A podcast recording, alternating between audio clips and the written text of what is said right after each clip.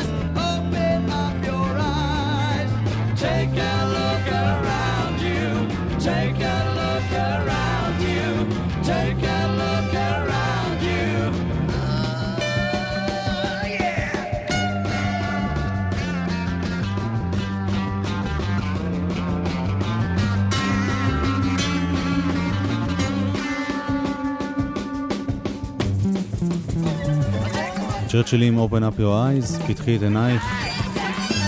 שיר שהגיע לתחנות הרדיו, כאמור, ביוני 1969. אל האלבום השלם של הצ'רצ'ילים נגיע בתוכנית הבאה. היום פתחתי בשיר הזה כדי להוכיח שבתקופה שבה אנחנו מתעסקים, אמצע 1969, כבר היה אפשר להקליט רוק מקורי בארץ, מבחינת הסאונד, מבחינת הכלים. הצ'רצ'ילים אמנם עשו את זה בעזרת עזרה של אה, אנשים מחו"ל, אבל בכל זאת זה נוגן בארץ, הוקלט בארץ, הוקלט ויצא בחברה ישראלית, עד ארצי. רוב המוזיקה הישראלית, הרגילה במרכאות, נשמעה קצת אחרת.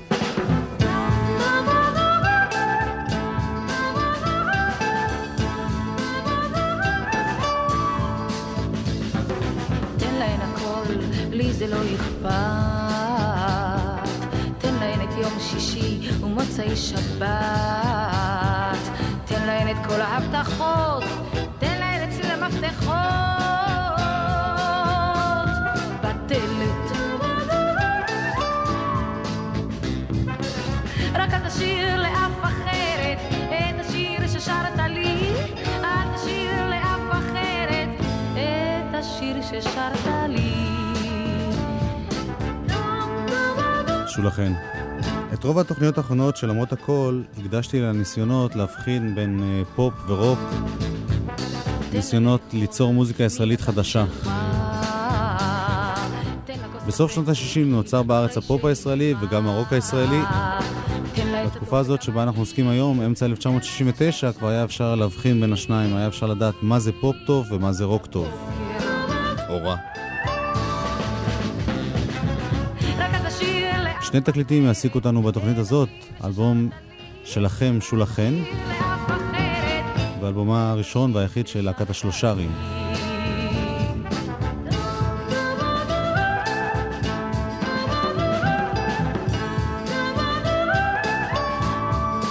מתוך התקליט של שולחן שמענו כבר בתוכניות הקודמות מספר שירים, ולכן אה, נשמע אותם היום רק ברמז.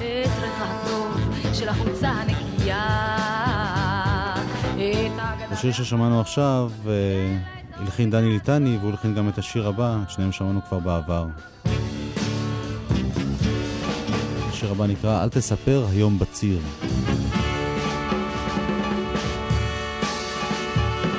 אל תספר היום בציר, אל תתלונן מחר קציר. רצית להיפגש, לא מנעתך אפילו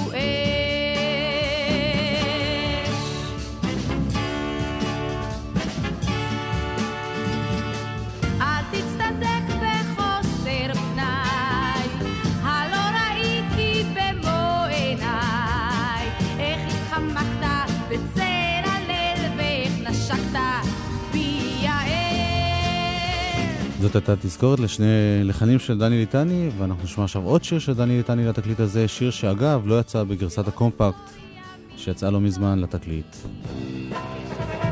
זה נקרא למה דווקא אני? עיבוד אלכס וייס. למה דווקא אני, היית צעירה בשנים, ויפה ויותר חיננית, למה דווקא אני, אין אבי הבונה בניינים, יש לה וילה וגם מכונית, למה דווקא אני,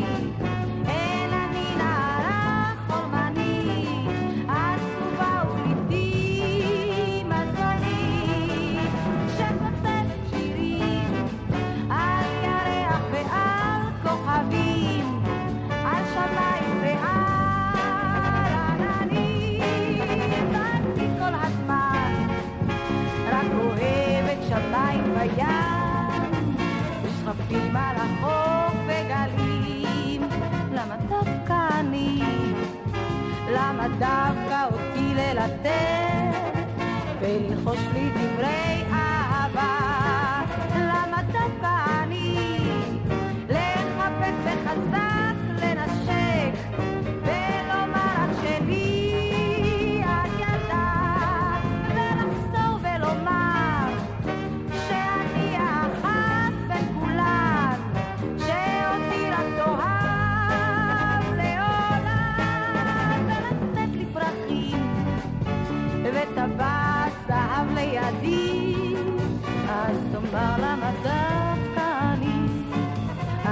תאמר דווקא אני אז תאמר אני למה דווקא אני? כתבה דרור חבקין, הלחין דני ליטני.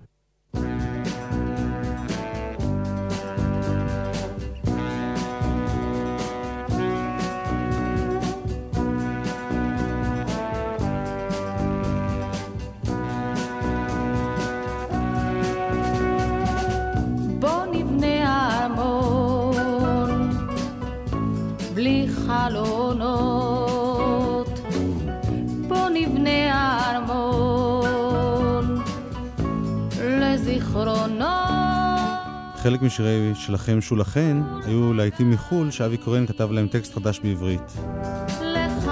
ביניהם בוא נבנה ארמון שכבר שמענו לפני תוכניות אחדות. והשיר בוא הביתה שנשמע עכשיו.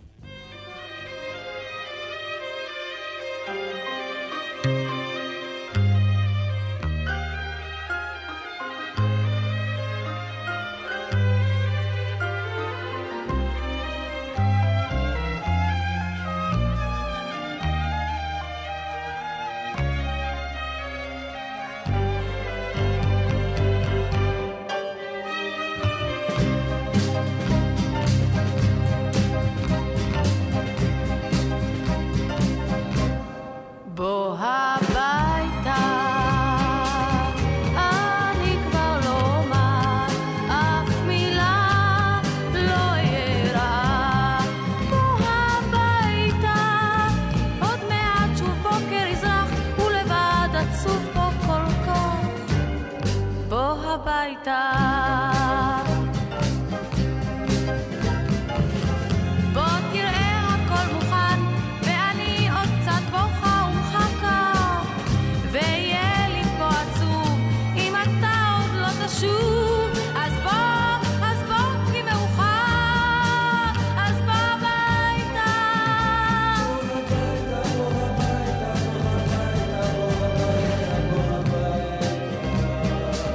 חנוך וחנן יובל עושים את הקולות האלה ברקע.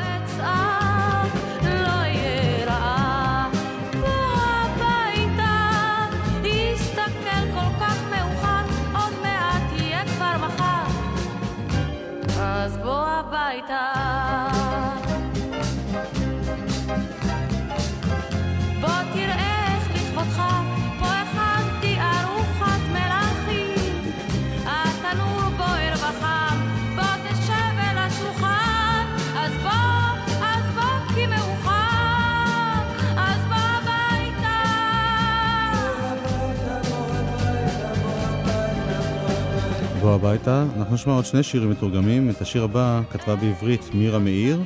ושימו לב שעיבוד המיתרים של אלכס וייס מזכיר את מה שיקרה אחר כך לשיר כבר עברו השנים עם זוהר ארגוב הרבה שנים לאחר מכן.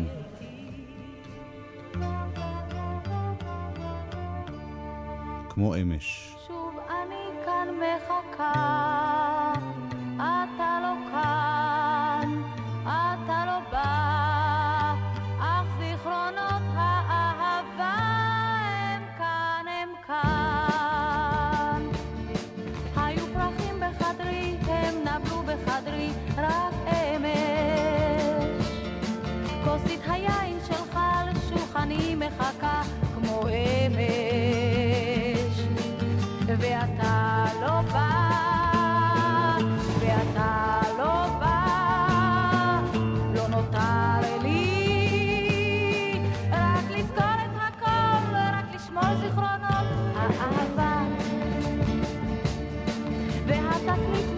רקע השיר הזה, כמו אמש, נשמע את גלוחובסקי מתרבות מעריב על הפופ הישראלי, על הרוק הישראלי בתקופה האמורה. א', יש בעיה כללית עם הפופ. אה, הרוק הרג את הפופ באיזשהו אופן. אה, ה- ניצחונו הגדול של הרוק הוא שהוא קבר את הקיום הזה של זמר נחמד או זמרת, בעיקר זמרת נחמדה ששרה שירים נחמדים ונעימים. זה היה פחות כזאת דרמה גדולה. וככל שזה נהייתה תעשייה נורא גדולה וכל העסק נהיה יותר מסובך, נהיה פחות מקום לדברים כך ש- שהם יותר פשוטים וקלים. ובשנים האלה באמת הצ- הצליחו באיזשהו אופן, ו-69 היא שנה נורא בולטת בזה, כי פשוט יצא, יצאו המון תקליטים. יצא התקליט של שולה חן, שהוא איזה פנינה של, אה, של פופ. אה, זה היו השנים שבהם התחילה אילנית את המסע הארוך והמקסים שלה. וזה היו שנים שאיכשהו הצליחו לייצר פה ככה פופ קליט, שמיע, אה, נעים, מאוד מאוד מדויק ו- ו- וטוב. עכשיו, זה לא שרד מכיוון שעם השנים ככה היו כל מיני שינויים שזה לא המקום להרחיב עליהם, אבל בעצם הפופ נורא עבר לשוליים, וכמו שאהוד מנור אוהב להגיד, אה, המוזיקה שהיום, בשנות, בשנותינו אלה, המוזיקה שהכי סובלת מקיפוח היא מוזיקת המיינסטרים. ואז הפופ א' הוא עוד לא היה נחשב למיינסטרים, הוא נחשב ככה למשהו אופנתי, עולם השייק, עולם הריקודים, עולם הדיסקוטקים, זה, זה, זה נחשב לכאילו תרבות אה, קצת מחתרתית.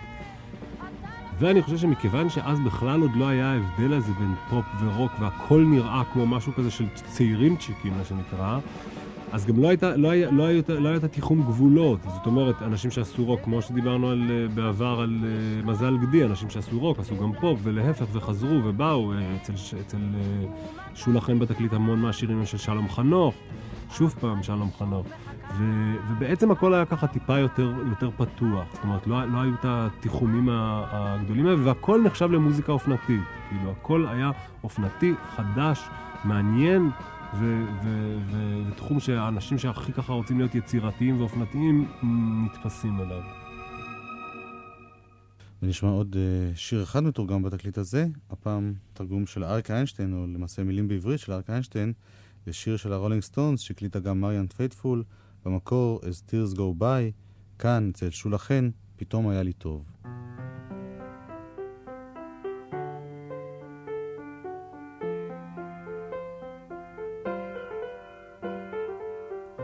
פתאום הכל.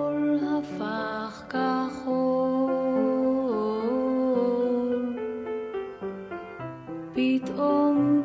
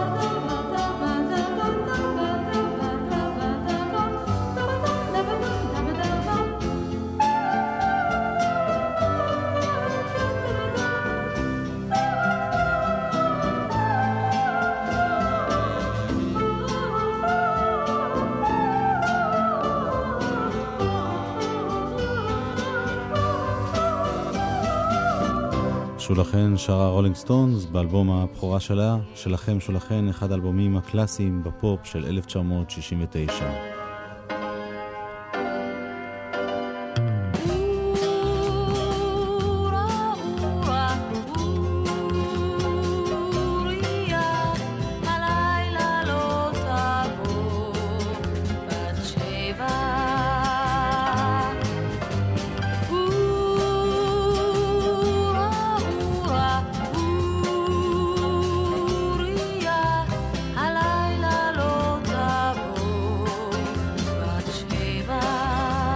השיר הזה נקרא אוריה החיתי, כבר שמענו אותו באחת התוכניות הקודמות. כמו דני ליטני שהיה כאן בתחילת דרכו, גם שלום חנוך היה מלחין צעיר ומבטיח. הוא הלחין לתקליט הזה מספר שירים. אוריה החיתי ועוד שניים, אחד מהם נשמע, תחת כובד התפוח, שהיה חף מכל רוק, ואיזידור שנשמע תכף. קודם לכן, שוב אל גל אוחובסקי ואל עוד מבט על התקליט הזה. מאחר שהמון אנשים התחילו לעסוק בזה, זאת אומרת, דור שלם וצעיר של אנשים התחיל לעסוק במוזיקה, מה שנקרא, מה שקראו אז המוזיקה הקלה. אז יש כל מיני קבוצות, ולכל מיני קבוצות היה תפקיד. אז חוץ מהאנשים שעמדו בחזית ושרו מי יותר פופ, מי יותר רוק, בלי בכלל לדעת מה ההבדלים בין זה, הייתה גם את הקבוצה שכאילו לקחה על עצמה אה, להוכיח את העובדה שמוזיקה קלה היא מוזיקה רצינית. זאת אומרת, מה שקרה זה שכשהתחילה כל המ... כשהתחילה, כשהתחילו החיפושיות והתחיל, והתחילו, והתחיל הרוק בעצם, וגם במקביל לפופ, כי הפופ הוא משהו שפחות התחיל, הוא ככה היה איזה נסיעה מהזמרים ה... זמרים קורעי הלבבות של שנות ה-50 וה-60 אל, אל הזמרים היותר כלילים של שנות, סוף שנות ה-60 ותחילת שנות ה-70. והטענה נגד, נגד כל האנשים האלה הייתה תמיד שזה מוזיקה לא רצינית, שמה זה לעומת בטהובן, מה זה לעומת באך וכן הלאה. והייתה את הקבוצה שראתה מין... אה, אה, מין צורך כזה, בעיקר, חלקם גם היו תמיד אנשים שבאו מבתי ספר למוזיקה, שרצו להוכיח שהמוזיקה שהם מתעניינים בה, הם רצו כאילו להוכיח להוריהם ולממסד כולו, שהמוזיקה שהם מתעסקים בה היא מוזיקה רצינית. ואז הם היו עושים את כל, ה, את כל הערבובים האלה שנגמרו בסוף בתחילת שנות ה-70, בכל מה שאנחנו מכירים בפרוגרסיב, או בכל הדברים המפלצתיים האלה, כל להקות הדינוזאורים המקסימות.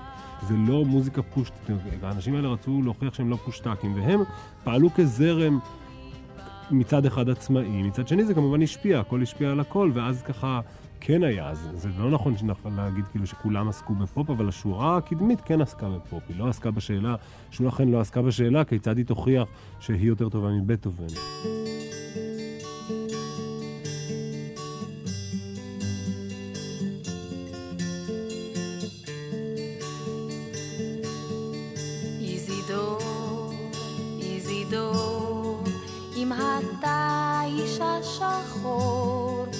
ילדים רצים אחריך, איזידור,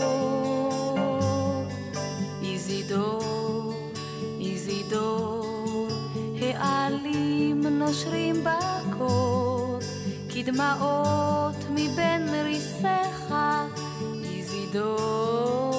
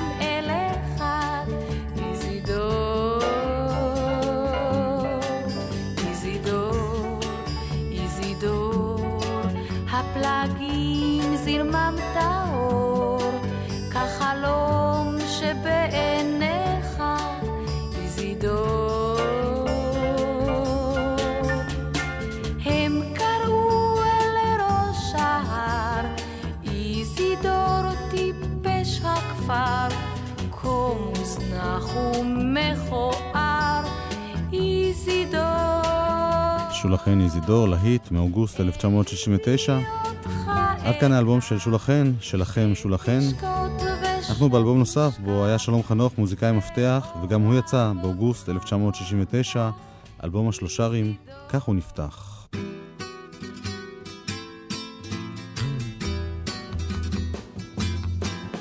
לו הייתי פיראט בת מלכה, לו היית שהמלח יבש בעיניה. בספינה מזהב לרוזן הרשע, מפליגה במצוות אדוניה.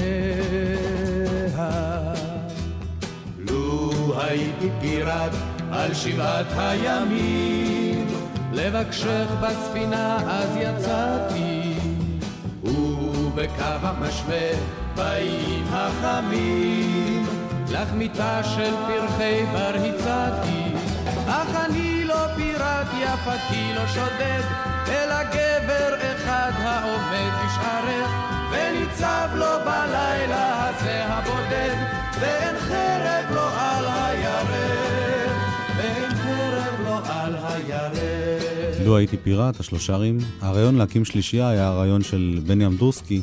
בסוף שנות ה-60 הוא היה כבר כוכב גדול, אחרי שירות בדודאים, בשלישיית גשר ירקון, אחרי הפקות לאמנים אחרים, כמו למשל לאריק איינשטיין, למאיר אריאל, ואפילו אחרי החתמה של שלום חנוך בתור אומן בחברת עד ארצי. אמדורסקי יזם uh, הקמת שלישייה חדשה שתישמע שונה וחדשנית לעומת מה שמקובל במוזיקה הישראלית. לצורך כך הוא גייס שניים מחברי להקת הנחל, שהיו גם במקרה יוצאי קיבוץ משמרות, חנן יובל, שלום חנוך. ביחד הם נקראו השלושרים, שזה גם שלושה ששרים, וגם קלושרים, כלומר קבצנים מוזנחים. למה בני אמדורסקי היה צריך את זה? זה די ברור, הוא רצה להתעדכן ולחדש את הצליל שלו. מדוע שלום חנוך וחנן יובל היו צריכים את השלושרים? נדמה לי שהתשובה היא די פשוטה. חנן יובל חשש בשלב זה להיות זמר סולן. גם שלום חנוך עוד לא היה בטוח בקולו וביכולתו לשיר. הם הרגישו שביחד עם בני אמדורסקי הם נכנסים להפקה שיש לה צ'אנס מסחרי טוב, וגם הזדמנות לעבור איזשהו בית ספר במוזיקה הישראלית. שלום חנוך הלחין את חצי משירי האלבום של השלושרים, אבל היו גם אה, מלחינים אחרים שתרמו להצלחה הגדולה הזאת. השיר ששמענו הלחין יאיר רוזנבלום למילים של ירון לונדון. השניים, לונדון ורוזנבלום, יצרו גם את uh, בשש או בשבע, שלא נשמע. אנחנו נשמע עכשיו שיר נוסף של ירון לונדון, הפעם לחן של דני ליטני, ציף ציף מעל הרציף. בלב הפרדסים תחנה ניצבת, ועל יד הפסים פסי רכבת, ועומד רציף ישן, אשר שנים רבות הוא לא ידע עשן, קטרים ורכבות, רק ציפור לבנה מעל הרציף. ציף ציף מעל הרציף, ציף ציף מעל הרציף, ציף ציף ציף מעל הרציף, ציף ציף מעל הרציף.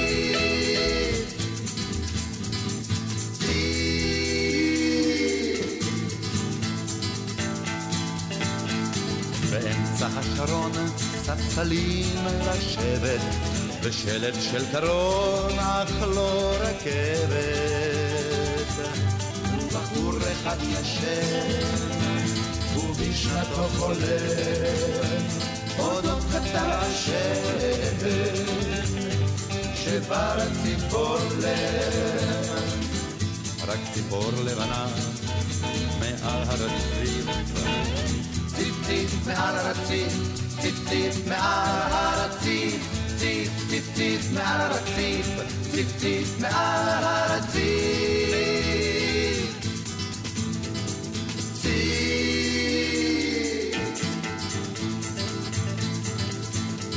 תחמיץ את המסע אם תשכב שרוע, קוראתי בקולה נישא ברוח. לכל אדם קטר, הבא מבלי לצפור, ומי שלא עולה, נותר עם הציפור, ומי שלא עולה,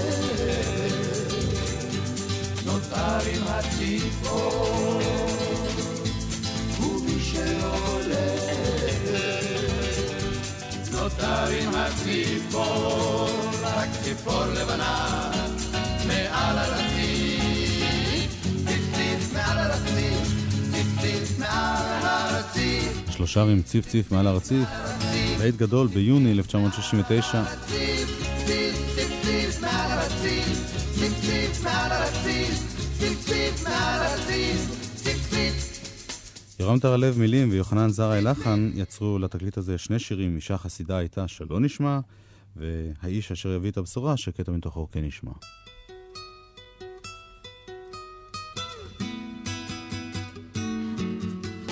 האיש אשר יביא את הבשורה, כמוצמדים יבוא אל תוך העיר הנצורה, ומבטו רחוק באופק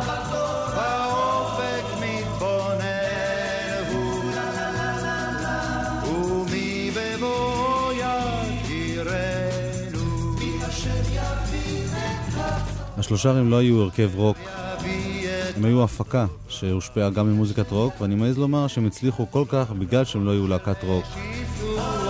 בגלל שהם הצליחו לשיר בצורה מאוד ישראלית, מאוד פשוטה, הרמוניות קוליות יפהפיות, ומוזיקה שמושפעת גם מקאנטרי אמריקני, גם מאסטה אסטה של להקות צבאיות, גם מבלדות, ואפילו ממוזיקה חסידית. מי שעשה את התקליט הזה, מי שהיה אחראי לצליל שלו, היה מישה סגל, אחד המעבדים המוזיקליים המצליחים ביותר והחדשניים ביותר באותה תקופה. הוא עשה את זה גם עם אריק איינשטיין בפוזי, שאליו נגיע בעוד כמה תוכניות. וכאן הוא הצליח להכניס את ההשפעות שלו מהביטלס, מהאמהות והאבות, מהרכבים אחרים של הפופ הלועזי, לתוך המוזיקה הישראלית ולהפוך אותה למשהו מאוד מאוד מקומי, ועם זאת מאוד מאוד מעודכן. והנה לחן של שלום חנוך למילים של יורם תיארלב, מי היו שם היא והוא, האוהבים את האביב. עם ההיא וההוא והנונינו, בשדה לבד הלכו, והציפורים סביב מזמרות בקול הדינג, דינגה דינגה דינג, דינגה דינגה דינג, לאוהבים, האוהבים את האביב. והנה יזהר שדות, אני חייב לפתוח במונולוג אישי. אה, כשהייתי בן 11 וחצי או משהו כזה, אבא שלי, שהיה חבר שלי בני אמדורסקי, לקח אותי להופעה של השלושה ערים. ואני כבר הייתי מעריץ של שלום חנוך אז. אני לא יודע כל כך מאיפה הכרתי אותו, יכול להיות שזה כבר אה, היה בתקופה של התחלת השירים שלו עם אריק איינשטיין, הפרה-פוזי או משהו כזה. כי הכל היה אז במקביל, אנשים עשו כל מיני דברים במקביל. אבל הייתה איזו תחושה ש, שהוא קיים כבר, ושהוא, ושהוא עושה דברים טובים, ואם יש פה משהו בארץ ש, שהוא שווה, בתור ילד שהתחיל לשמוע מוזיקה, ובעיקר שמע מוזיקה מחוץ לארץ, אז זה היה הוא. ואני זוכר שקראתי לו ג'ון לנון הישראלי. ובני אמדורסקי כתב ג'ון לנון הישראלי, ונתן לשלום לחתום לי על פתק. זה תקליט משונה, זאת אומרת, גם הקומבינציה של האנשים שם הייתה מאוד משונה. זה נשמע כמו הרכב, אה, כמו איזשהו ניסיון מסחרי כזה לעשות איזה משהו שיעבוד. איזשהו ניצול של, של הכישרון של שלום חנוך, וכנראה שבני אמדורסקי קלט את הכישרון שלו. חנן יובל מצד שני, שכנראה גם הקשרים הקיבוצניקיים וכולי וכולי, אני לא כך יודע מה הייתה הדינמיקה החברתית שם, אבל זה מין קומבינציה משונה כזאת. ומישה סגל, שהיה אז, התחיל להיות המעבד התורן של, ה... של המוזיקה הישראלית היותר איכותית. אמ, יש שם שירים טובים. יש שם... אה, בני אמדורסקי היה כנראה אדם מאוד חזק כמפיק, כ- כ- כאדם ש- שהמציא דברים, שהמציא פרויקטים, ש- שהוביל דברים, והוא כנראה נתן לשלום איזשהו ערוץ להתבטא. ושלום היה צעיר ו- ועדיין לא ידע בדיוק מה הוא רוצה. אה, החשיבות של התקליט הזה מבחינתי בעיקר בזה שיש בו כמה שירים טובים. מעבר לזה אין בו שום דבר מרתק בצליל שלו או באיזשהו מסר. זה תקליט של שירים. זה לא תקליט שלהבדיל מתקליטים שנעשים עם להקות, ושיש איזושהי משמעות לסאונד, תעודת זהות של המוזיקאים שעושים אותו, אז פה זה תקליט של זמרים ששרים שירים, שבמקרה אחד מהם כותב אותם. והאחד הזה, שלום חנוך, היה מאוד מגוון בתקליט הזה. מצד אחד שיר כמו לילי שלי, ששמענו לפני כמה תוכניות, שהיה מאוד פופי. מצד שני שיר ארץ ישראלי כמו מה ששמענו עכשיו. ומצד שלישי, בלדה ענוגה, שנשמע עכשיו, שמרית אור כתבה את המילים, צרות טובות, חנן יובל, סולן.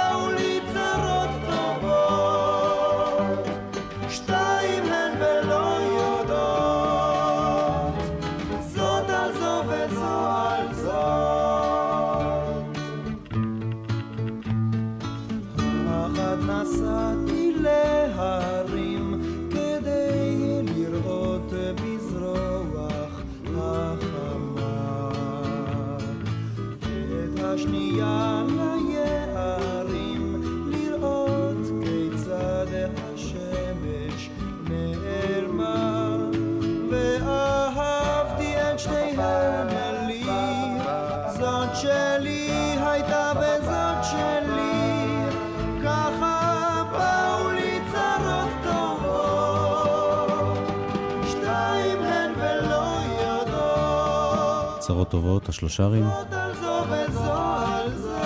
ארבעה משירי התקליט של השלושרים הולחנו על ידי שלום חנוך למילים של יונתן גפן. איפה נטשה ופייר? את זה לא נשמע, ושלושה אחרים כן נשמע. בקפה ורד יושבת גברת ומספרת סיפור להיט גדול מאוגוסט 1969, המראה ירחיה לידיעת הציבור מי מפחד מגברת לוין. אומרת פריז בשנה שעברה. לא בן אדם זה ברור. פותחת כפתור בחולצה שנראה את הלב השבור. מה יש לך? גברת לוי. מה יש לך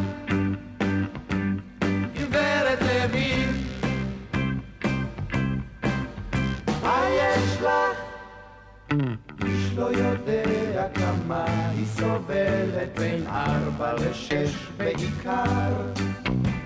אחר כך היא שני מספרים מצלצלת בוכה טלפונית נגמר היא למדה פילוסופיה באופן פרטי ומתה לדעת יותר.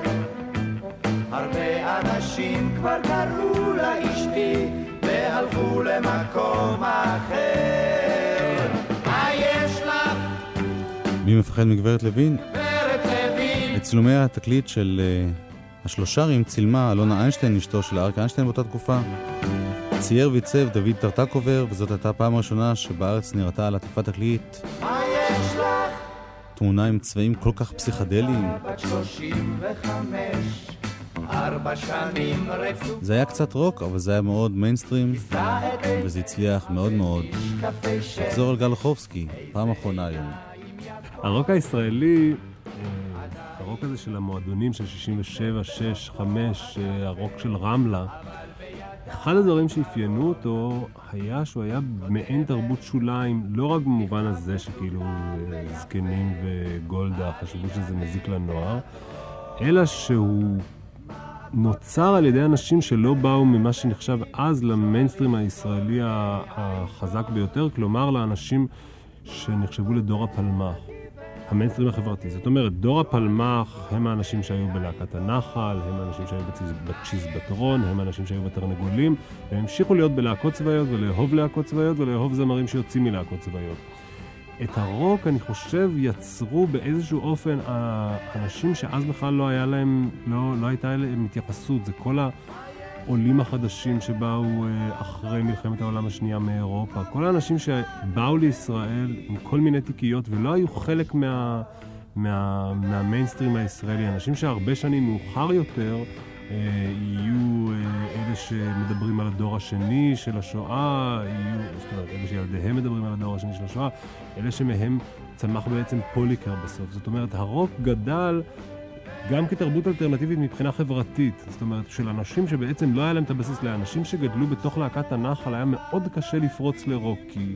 כי התבניות שלהם היו מאוד חדו, ח- חזקות ונוקשות, כי, כי החינוך שלהם היה מאוד אה, אה, נוקשה, ומקסימום היו יכולים לעשות כזה מין אה, אה, קומנט על אלוויס, או ככה צחוק על אלוויס, או ככה לאמץ איזה מקצב לתוך השירים ה, היפים והמאוד מגויסים שהיו להם אז. והאנשים ש, ש, שבעצם, וגם אפשר לבדוק את זה, אני חושב, אם בודקים את האנשים שהיו בלהקות האלה, מבחינת אה, ככה מעמדם הסוציו-אקונומי ומעמדם החברתי, הם רובם באו מ, מ, ככה מתרבות, ה, מה שקוראים להם תרבות הפרברים, מערים כאלה שבהם גרו אנשים אה, ככה במעמד הפועלים, מה שנקרא. ולכן הרוק אה, בעצם נוצר בישראל כמו שהוא היה צריך להיווצר, מ... לא מהמעמד כאילו ש, שנותן את הטון, אלא כתרבות אלטרנטיבית. וזה גם היה החן שלו ב, בתקופה ההיא. והנה חבר'ה שהצליחו לעשות גם רוק, למרות שהם באו מהמיינסטרים. השלושה ערים. שימו לב לגיטרות בשיר הבא.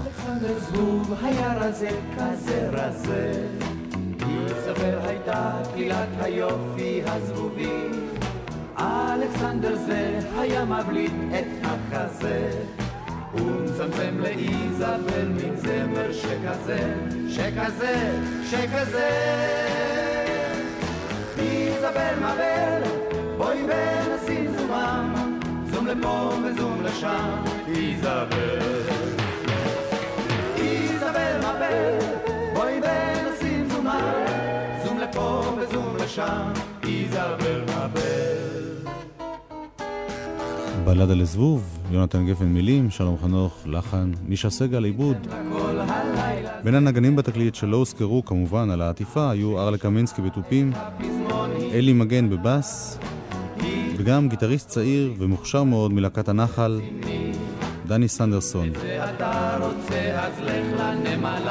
התקליט אה, של השלושה רים הוא בין התקליטים הראשונים שסנדרסון השתתף בהם בעילום שם בנגינת גיטרה, והגיטרה שלו בולטת בעיקר בשיר הבא, השיר שמסיים את התקליט, הוא השיר הכי רוקי בו, מי אם לא אלוהים. מדבר להרים הקרים כובעים של צלעים ופרחים ושיחים ודשאים מי החליט בקשר לכל הצבעים? מה מתאים ומה לא מתאים ומה לא מתאים ומה לא מתאים מי אם לא אלוהים? מי אם לא אלוהים? מי אם לא אלוהים? מי אם לא אלוהים? מי אם לא אלוהים? מי אם לא אלוהים?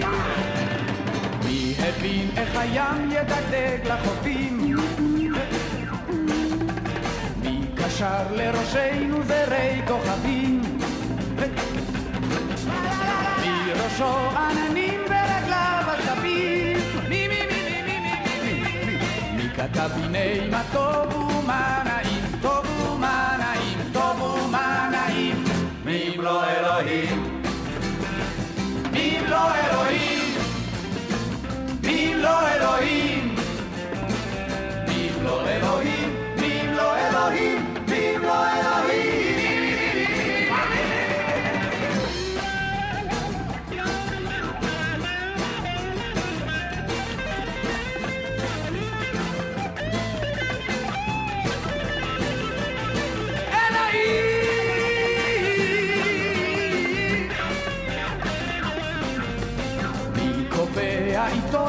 חוקי מלחמה. של יסמין וריחות אדמה. היי! מי מושיט זרועותיו אל צורג הכלואים? מי? מי? מי? מי? מי? מי? בסוף את כל הרשעים, כל הרשעים, כל הרשעים. מי אם לא אלוהים? מי אם לא אלוהים? אם לא אלוהים? אם לא אלוהים? אם לא אלוהים? אם לא אלוהים? אם לא אלוהים? אם לא אלוהים? לא לא השלושה רים עם דני סנדרסון. אם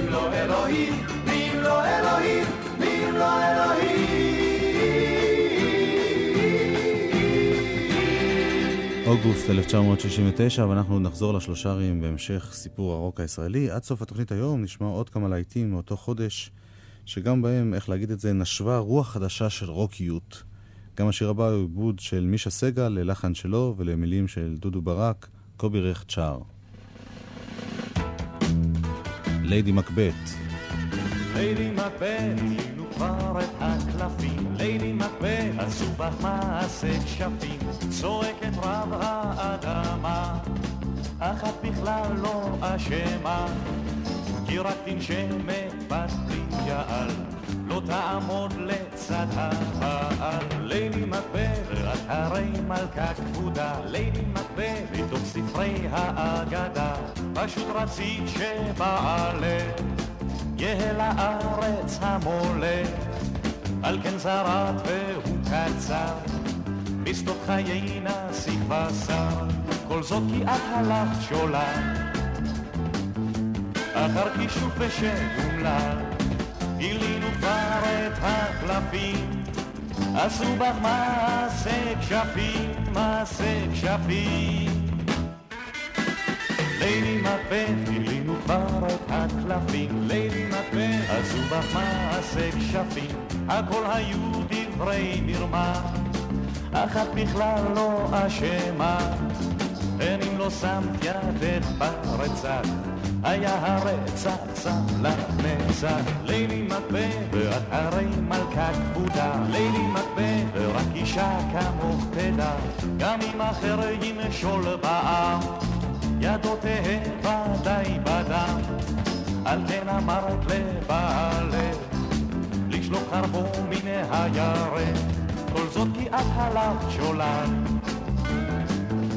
אחר כישוף ושדומלל, גילינו כבר את הקלפים, עשו בך מעשה כשפים, מעשה כשפים.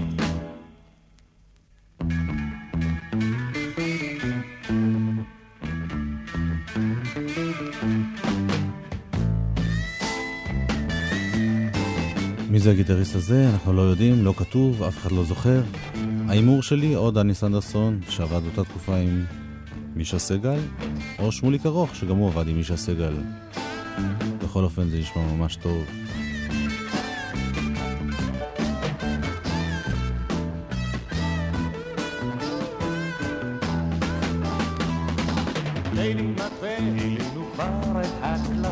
ליידי מקבה, עשו בך מעשה כשפים, מיצי לך איזו נחמה, למרות שאת לא אשמה, כי ההיסטוריה בך הכחידה, אלה קברי חוטה הורידה, ליידי מקבה, ואת הרי מלכה כבודה, ליידי מקבה, לא רק כל כך באגדה, בין דף לדף בלי עצמך.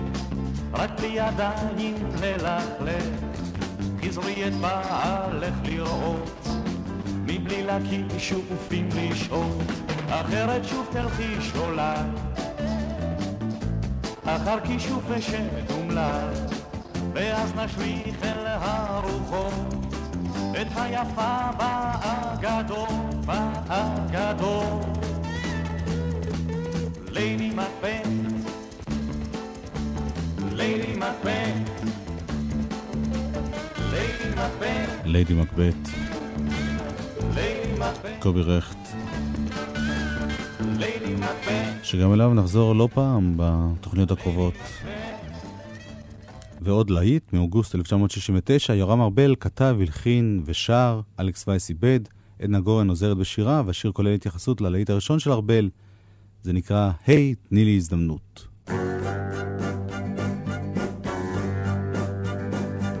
אני לא יודע מה קרה ומה עשיתי רע. הטבעת לא רוצה ממך בחזרה. בחזרה. כבר ניסיתי פעמיים והנה שלוש. אז הניחי לי לשבת לחכות עד בוש. היי, תני לי הזדמנות. תני לי, תני לי. היי,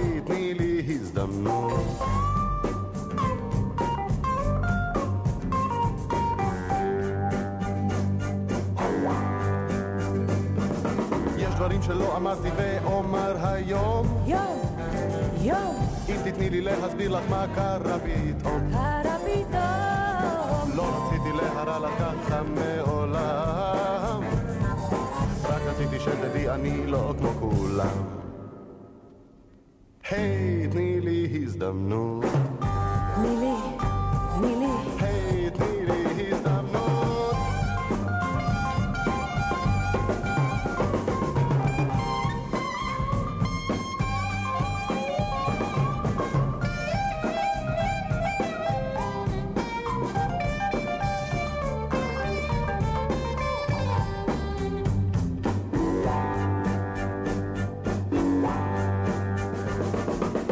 בשבילך צבעתי את השלכת בירוק. רוק, רוק, איך אני יכול עכשיו ללכת ולמחוק? יכול למחוק. כל אחד אוהב הלילה וגם לך כדאי. בואי בואי ונשלים אם טוב לנו ודי. היי, תני לי הזדמנות.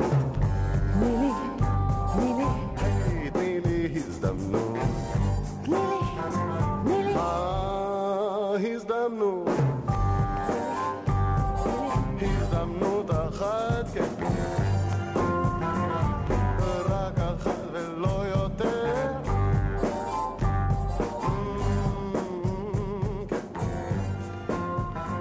ארבל, עדנה גורן.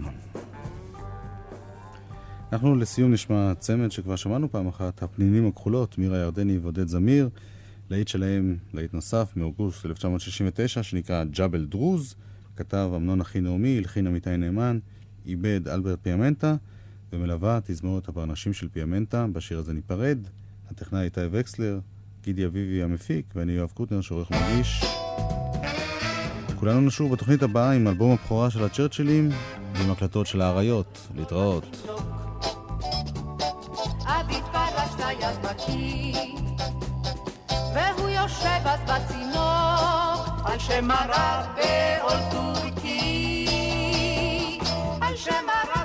טורקי.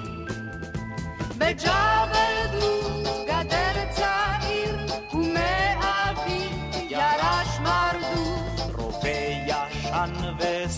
אביר, ואין לו חפץ בעבדות, ואין לו חפץ בעבדות.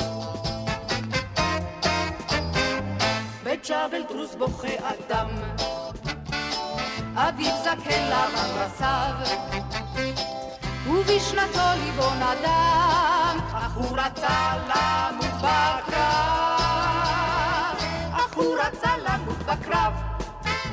בג'בל דרוז שמחה בכל, כי בן אדם נושא אישה, והחתן מכריז בקול, שהיא תלד בנים שישה, שהיא תלד בנים שישה. בג'בל דרוז נולד תינוק, הוא נכד של צייד בקיא. האב יושב אז בצינוק, הוא מרד בעול אנגלי. כי הוא מרד בעול אנגלי. בג'בל דרוז גדל צעיר, ומסבו ירש מרדות, רובה ישן וסוס אביר, ואין לו חפץ בעבדות, ואין לו חפץ בעבדות. מג'בל דרוז יורד אדם, ליבו אל הרובה כבול, כי כל סבו בו לא נדם, וגורלו משמר הגבול, וגורלו משמר הגבול. לג'בל דרוז ארון עולה, שומר נפל, ליבו נדם, האב בוכה אך הוא גאה, בקרב חייב למות אדם, בקרב חייב למות